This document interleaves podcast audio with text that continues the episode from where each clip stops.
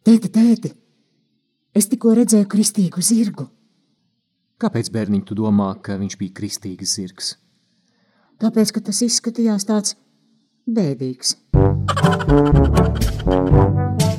Šodien, turpinot Mateja evaņģēlijas studijas, mēs redzēsim, ka debesu valstība ir nevis kā bēres, bet kā kāzas. Mums, kristiešiem, ir pamats priecāties, pamats cerībai. Raidījuma noslēgumā runāsim arī par svēto misi, kā jēra kāzu mīlestību šeit virs zemes. Laipni lūgti randiņa ar Bībeli 70. epizodē Valstības kāzu mīlestība. Randiņš ar Bībeli Studijā Māris Veliks.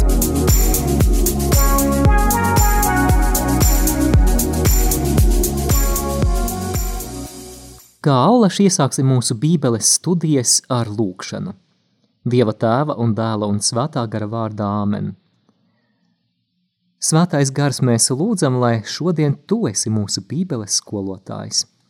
To mēs lūdzam caur Jēzu Kristu mūsu kungu. Āmen. Svētais Matei lūdz par mums.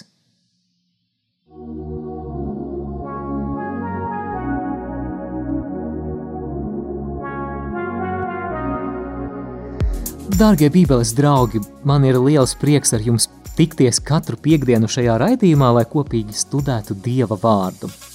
Tiem, kas varbūt tikai tagad ir pievienojušies, vēlos pastāstīt, ka mēs šajā raidījumā šobrīd studējam pamatīgi, pamatīgi padziļināti Mateja evaņģēliju. Un mēs jau esam nonākuši Mateja evaņģēlija 22. nodaļā, kuru arī varam atšķirt, ja mums tāda iespēja ir. Šodien mēs lasīsim Mateja 22. nodaļas pirmos 14 pantus. Un šī būs kārtējā Jēzus līdzība par debesu valstību. Šīs līdzības nosaukums varētu būt līdzība par kāzu mielastu. Lasām pirmo un otro pantu. Jēzus atkal uzsāka ļaudīm runāt līdzībās un sacīja: Debesu valstība līdzinām ķēniņam, kas taisīja savam dēlam kāzas Tātad eh, Jēzus debesu valstību salīdzina ar kāzu mīlestību. Ķēniņš šajā līdzībā, kurš eh, rīko savam dēlam kāzas, ir Dievs. Savukārt ķēniņa dēls Jēzus. Tik tālu viss vienkārši un skaidrs, vai ne? Klausītāji, kādas sajūtas eh, tev visvairāk asociējas ar kāzām?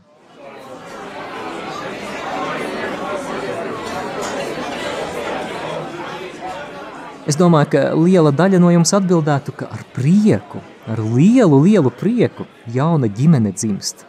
Priecājas gan jaunais pāris, priecājas vecāki, priecājas radinieki, priecājas draugi. Liels, liels prieks viesu vidū.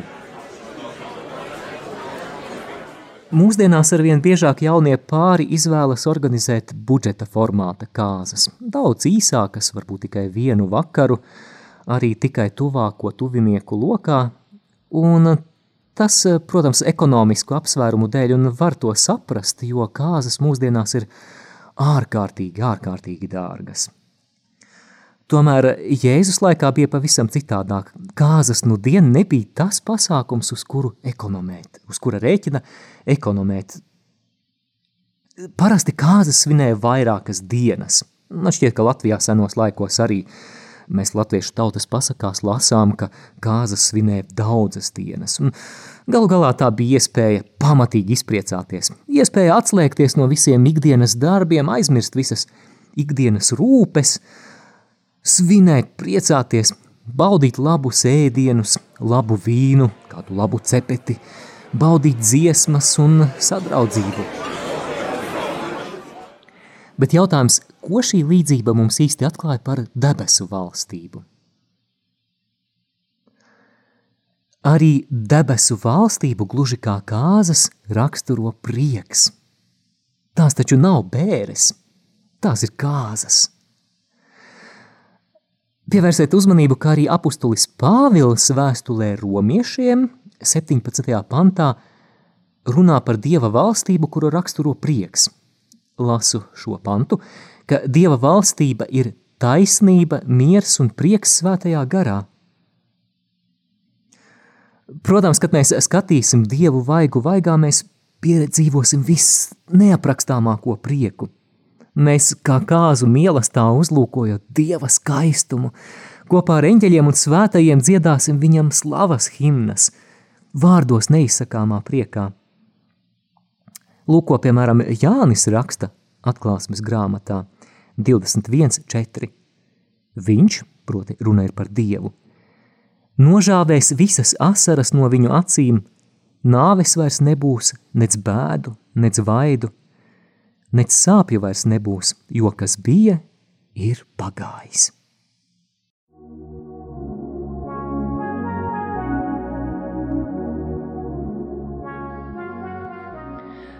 Bet tu varbūt jautāsi, kā šeit virs zemes? Tad nu atcerēsimies, ka Mateja evaņģēlija 4. nodaļā, 17. pantā Jēzus sludināja, ka debesu valstība ir klāt pienākusi. Tātad debesu valstība jau ir mūsu vidū. Tā iesākas jau šeit virs zemes. Un, dargo klausītāji, ja tu piederi Jēzum, tad tev pieder debesu valstība jau tagad. Protams, pasaulē ir daudz bēdu, daudz ciešanu, arī mūsu dzīvē, un nevelti lūkšanā esi sveicināta karaliene, mēs dziedam tos vārdus, ka sērojot un raudot šajā asaru ielējā – Jā, šī pasaule kaut kādā ziņā ir asaru ielēja. Tomēr es vēlos iedrošināt tik vienu no mums, arī pats sevi, ka neraugoties uz to, lai mūsu piederība Jēzum un viņa valstībai kļūst par cerības un iepriecinājumu avotu jau tagad. Tad, nu, atgriežoties pie tās anekdotes par kristīgo zirgu, ko es iesākumā stāstīju, Kristīgam zirgam jāiemācās arī priecāties par savu ticību. Atceries, ka Dieva valstība nav bēres, tās ir kāzu svinības. Randiņš ar bībeli Savedējs Māris Veliks.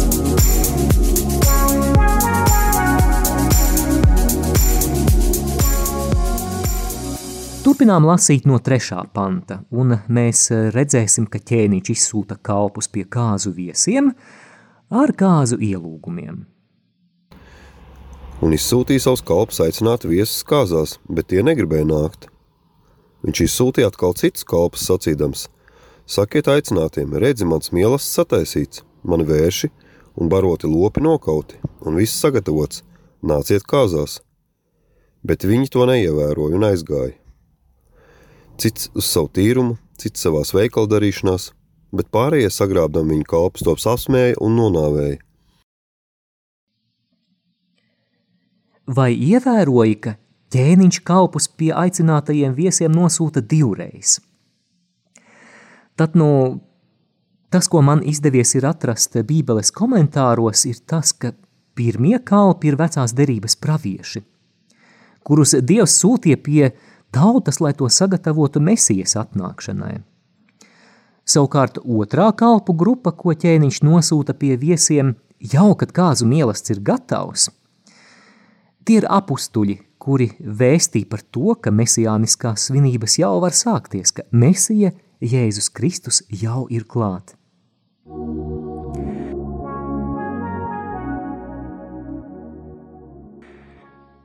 Savā dziļākajā būtībā šī ir līdzība par cilvēka atbildi uz dieva aicinājumu. Un kā mēs dzirdējām, ielūgumi tiek noraidīti. Tikko lasītajos pantos mēs varam ievērot divas cilvēku reakcijas. Pirmā ir vienaldzība, un otrā ir dusmas. Parunāsim par katru no šīm reakcijām. Vispirms par tiem vienaldzīgajiem. Vienaldzīgie uzaicinājumu vienkārši izvēlas ignorēt. Viņiem ir citas svarīgākas lietas, kā ciet uz savu tīrumu, kā mēs lasījām, cits savās darīšanās, katram savs bizness. Man tas atsauc atmiņā Jēzus sarunu ar bagāto jaunekli, kuru mēs lasījām Mateja evaņģēlija 19. nodaļā. Atceries, ka tam jauneklim viņa bagātība bija svarīgāka par sekošanu Jēzum. Varbūt esi klausītāji ievērojis, cik bieži cilvēki aizbildinās, ka viņiem īsti nav laika priekš dieva, jo ir daudz citu lietu. Ir darbs, ir ģimene un tā tālāk un tā tālāk. Es atceros, kā es reiz runāju ar kādu puisi, kurš man teica apmēram tā. Nu, es uz baznīcu neeju, jo man ir ģimene un trīs bērni. Es tajā brīdī nodomāju, hmm, kā tā, ka es pazīstu pat daudz bērnu ģimenes, kuras neviens svētdienās, bet pat darbdienās ir aktīvas draudzē. Tā ka runa šeit ir par prioritātēm. Lūk, ko Jēzus teica Mateja evaņģēlija 13. nodaļā līdzībā par sējēju. Bet kas sēdz ērkšķos, ir tas, kas vārdu dzird, un šīs pasaules zūdīšanās un bagātības viltība nomāca vārdu, un viņš nenes augļus. Mateja 13, 22.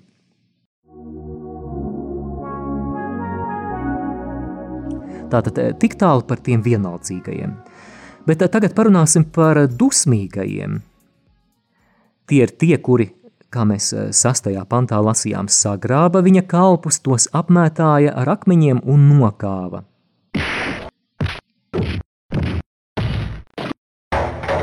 Tie ir tie cilvēki, kuri dzirdot kristīgo vēsti, ieņem atklāti naidīgu pozīciju. Daudzi no jums klausītāji atceraties vēl padomju laikus, vai ne? Un uh, tajā laikā bija ateisma propaganda. Ir tāds jēdziens karojošie ateisti, bet mūsdienās intelektuālajās aprindās rietumos pastāv tā saucamā jaunā ateisma kustība. Spilgtākie pārstāvji ir Kristofers Hitchens, nu jau mūžībā, un Ričards Dawkins – Piemēram, lai arī Ričards Dawkins atļaujas ar nicinājumu ņirgāties par ticīgajiem, jo nu, viņa izteicieni ir ļoti nesaudzīgi, tomēr viņa grāmata Dieva delūzija ir bestselleris. Tā joprojām ir nopērkama grāmatnīcās. Savukārt Kristofers Hitchens grāmatā misionārā pozīcija nogāna māti Terēzi no Kalkutas, nosaucot viņu par fanātiķi, fundamentālistu un par krāpniecību. Dažreiz droši vien ateistiem patiešām tā ir dzīves pārliecība, bet citiem iespējams dieva noliekšana ir labs aizbildinājums, lai nebūtu jāmaina dzīve. Ir taču vieglāk, ja nav dieva, kurš uzstāda savas prasības, vai ne? Lasām tālāk ķēniņa atbildi uz vienaldzību un arī uz aicināto dusmām.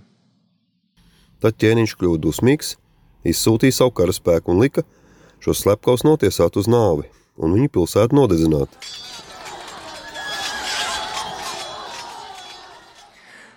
Mazliet humoram.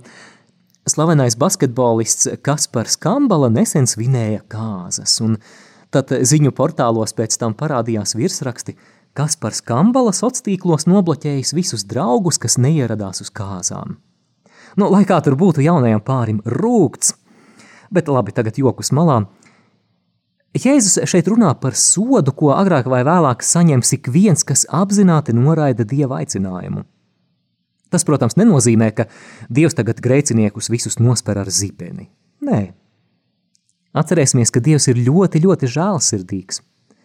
Viņš atkal no jauna un no jauna piedāvā jaunu iespēju atgriezties. To simbolizē šajā līdzībā vairāk kārtējie uzaicinājumi uz kāzām. Tēvs aicina vienreiz, otrais. Tomēr mums dotais atgriešanās laiks ir ierobežots. Tas ir tikai mūsu šīs zemes dzīves ietvaros. Pēc nāves mums vairs iespējas pārdomāt nebūs. Un tad mēs baudīsim, vai tieši pretēji cietīsim sekas mūsu šīs zemes izvēlē atbildēt Dievam ar jā, vai viņu noraidīt, gluži kā to darīja aicinātie kāzu viesi. Tad viņš saka saviem kalpiem: Kāzas ir sataisīts, bet aicinātie viesi nebija cienīgi. Tāpēc ejiet uz lielu ceļiem un aiciniet kāzās, kādus vien atrodat. Un kalpi iziedam uz lielceļu laukumiem, saveda visus, kādus vien atrada, ļaunus un labus, un kāzu nams pildījās ar viesiem.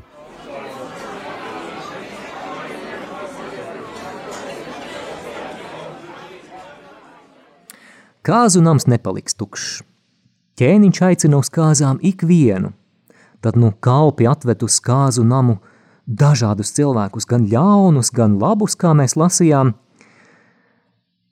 Pirmie aicinātie, kam bija priekšroka, noraidīja Jēzu kā mesiju.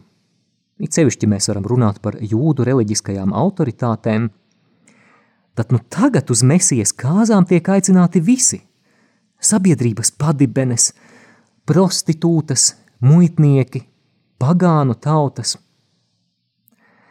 Šī ir vēsts par to, ka Dievs nešķiro nevienu. Tātad tagad aicinājums attiecas uz ikvienu cilvēku. Tāpēc neviens nevar teikt, ka nu, es esmu pārāk grēcīgs, lai nāktu pie Dieva. Dargais draugs, pietiek ar vienu Jēzus asins lāsi, lai vislielāko grēcinieku nomazgātu tīru. Tāpēc, lai tava pagātne klausītāji tevi nebiedē Dieva priekšā. Dieva žēlsirdība ir neizmērojami, neizmērojami lielāka par tavu grēku. Tikai nenoraidi šo iespēju.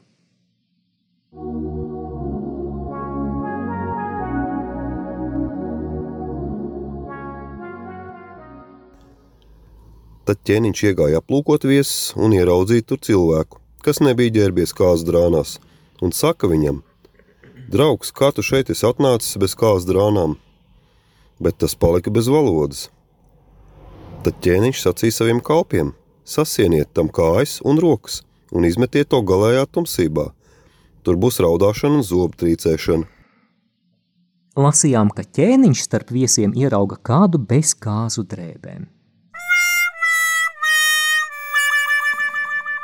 Kāzu drēbju trūkums šeit Mateja evaņģēlija kontekstā simbolizē atgriešanās augļu trūkumu. Atcerēsimies, ka Jānis Kristītājs 3. nodaļā 8. pantā teica, tad nesiet pienācīgus atgriešanās augļus. Tad no šim cilvēkam šo atgriešanās augļu trūkst. Savukārt kāzu drēbes ir attaisnošana, kas nāk līdz ar grēku nožēlu. Šis cilvēks, kurš kāzās ir ienācis bez kāzu drēbēm, ir tas, kurš it kā atsaucas dieva aicinājumam, galu galā viņš vēlas baudīt tos labumus, ko dievs piedāvā. Tomēr viņš nav gatavs atgriezties. Varētu teikt, ka viņš ar vienu kāju mēģina būt ar dievu, ar otru kāju viņš ir dziļi, dziļi iegrimis pasaulīgās vērtībās, grēkā, pasaulīgā dzīvesveidā. Manuprāt, mūsdienās ir ļoti daudz cilvēku, kuri Ja viņam pajautātu, vai tu tici dievam, viņa teiktu, es ticu. Esmu bērnībā kristīts katolis vai luterānis vai pareizticīgais. Un, protams, ka šie cilvēki, apzinoties tās divas iespējas, vai nu debesis vai elle, protams, protams, ka viņi izvēlētos debesis. Protams, nu, nu kurš, kurš gan grib iet uz elli? Tomēr viņi ir tik ļoti pieķērušies grēkam, pasaulīgam dzīvesveidam, ka viņi nav gatavi no tā atteikties tad nu viņi dzīvo ar attieksmi, nu gan jau kaut kā, varbūt kaut kur izspruksim cauri. Bet kā mēs redzējām Mateja evaņģēlija tekstā, šis gan jau kaut kā nedarbojas. Cilvēks tiek izmests galējā tumsībā, kur būs raudāšana un zobu trīcēšana. Jā, tā tiek raksturota mūžīga nošķirtība no dieva, ko mēs saucam par elli.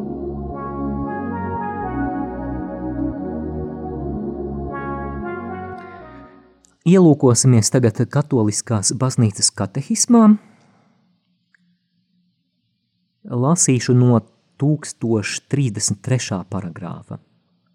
Klausāmies. Mēs varam būt vienoti ar Dievu tikai tad, ja brīvi izvēlamies viņu mīlēt.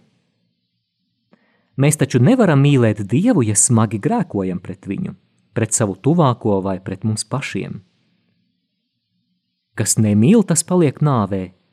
Ik viens, kas ienīst savu brāli, ir slepkava, un jūs zināt, ka neviens slepkava nepatur sevī mūžīgo dzīvi. Citāts no pirmās Jāņa vēstules trešās nodaļas. Nomirt nāvīgā grēka stāvoklī, nenožēlojot grēkus un nepieņemot Dieva žēlsirdīgo mīlestību, nozīmē palikt uz mūžiem šķirtam no Dieva saskaņā ar mūsu pašu brīvo gribu. Un šis stāvoklis, kurā mēs paši sevi galīgi izslēdzam no kopības ar Dievu un svētlaimīgajiem, tiek apzīmēts ar vārdu elle. Tātad mazliet uz priekšu katehismā 1035. paragrāfs. Baznīcas mācība apstiprina to, ka elle pastāv un tā ir mūžīga. To cilvēku, kas mirst nāvīgā grēka stāvoklī, dvēseles tūliņ pēc nāves dodas uz elli, kur tās izcieš elles sodu, mūžīgo uguni. Galvenais elles sots ir mūžīgā atšķirtība no dieva. Tālūk, komentārs katoliskās baznīcas katehismā. Skan baisi, vai ne? Bet, eh, lai šis brīdinājums izskan nevis kā iebiedēšana, bet kā pamudinājums izdarīt pareizu izvēli, atsaukties uzaicinājumam uz kāzu mīlestību. Tad nu līdzību par kāzu mīlestību Jēzus noslēdz ar tēzi, ko mēs lasām 14. pantā. Jo daudz aicinātu, bet maz izredzētu. Doma ir šāda. Mēs ik viens esam aicināti ienākt Dieva valstībā. Tomēr ne visi tiek atzīti par cienīgiem tajā ieiet. Ir kādi, kas noraida šo ielūgumu un tādējādi sevi izslēdz no kāzu prieka. Savukārt citi ir tie, kas atsaucas ielūgumam, tie ir tie, kas ietērpjas grēku nožēlas un Kristus taisnīguma kāzu drānās, un tie, kuri par savas dzīves ceļvedi izvēlas evaņģēliju.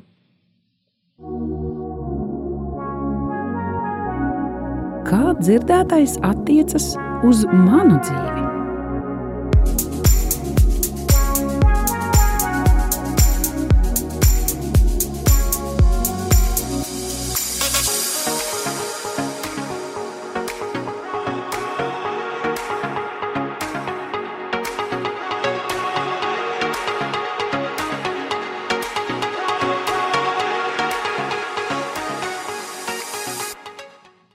Līdzība par kāzu mīlestību ir būtībā stāsts par to, kādas var būt cilvēku atbildes uz dieva uzaicinājumu. Bet šajā raidījuma sadaļā es vēlētos līdzībā atrodamos principus attiecināt uz svēto misiju. Dārgā māsa, dārgais brāli, vai tu esi kādreiz domājis par misiju kā par svinībām?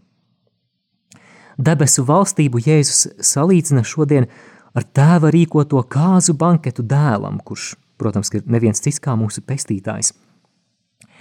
Bet jautājums, kur šo debesu valstību mēs piedzīvojam šeit īpašā veidā virs zemes? Protams, šīs svinības ir svētā mise. Tāpēc interesanti, ka katoliskās baznīcas katehismā, lai apzīmētu misiju, jeb evaharistiju, tiek lietoti gan tādi apzīmējami kā kunga mielasts, pēdējās vakariņas, jēra kāzu mielasta debesu Jeruzalemē iepriekš pasludināšana. Varat uh, atzīmēt 1329. paragrāfu katoliskās baznīcas katehismā. Ievērojiet, ka visi minētie raksturojumi vai mises apzīmējumi raksturo mielastu, svinību mielastu. Šodienas evaņģēlija fragments mums var iemācīt trīs svarīgas lietas, kā attiekties pret šo svinību mīlestību, kuru, kuru dalībnieki mēs esam mises liturģijā. Pirmais - atsaucies, otrais - sagatavojies, un trešais - svini. Pirmais ir atsaucies. Līdzībā ķēniņš, tātad Dievs, sūtīja savus kalpus aicināt viesus uz kāzu svinībām, vai ne? Katrs kristīts katolis ik svētdienu ir aicināts uz evaharistijas svinībām. Galu galā mēs piedaloties šajās svinībās, izpildām trešo dieva bausli, kas aicina svinēt svēto dienu. Citiem vārdiem sakot, mēs atsaucamies tam, uz ko, mēs, uz ko mūs aicina Dievs. Tātad pozitīva atbilde te ir atsaukties. Bet mums vēl ir laba ziņa – mēs lasījām, ka kalpi atveda visus, ko sastapa, gan ļaunus, gan labus, un kāzu nams bija pilns ar kāzu viesiem. Tātad aicināti atsaukties ir visi. Pat ja tu, brāli vai māsa, nejūties cienīgs, ja tu apzinies savas vājības, savas nepilnības, atceries, Dievs vienmēr priecājas tevi redzēt. Mēs evaņģēlijā arī lasījām par cilvēkiem, kuri tika ielūgti, bet neatsaucās – Kāds aizgāja uz savu lauku, cits veikalā darīšanās.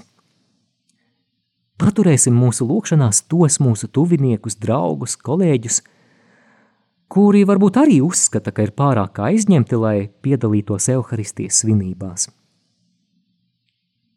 Ņem vērā, ka ķēniņa vārdi redzi mans mīlestības ir sagatavots, attiecas arī uz viņiem.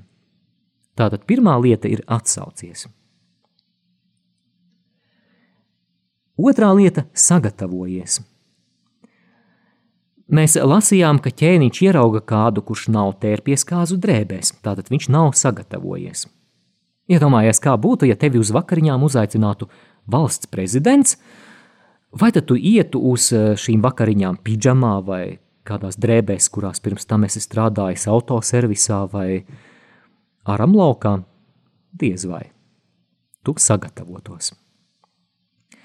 Tad nu arī vizīte banketā pie dieva pieprasa sagatavošanos. Un te mēs runājam par garīgu sagatavošanos.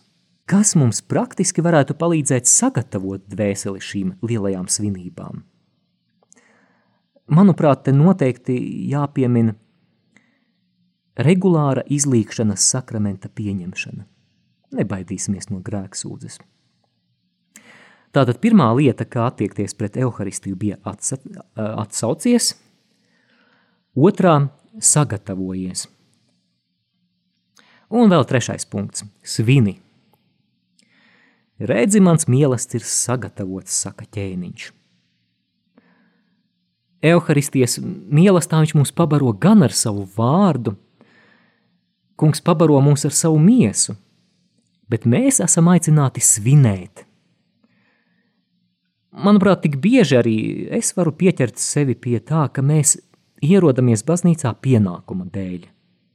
Esam ieslīguši rutīnā, galu galā baznīca no mums to prasa.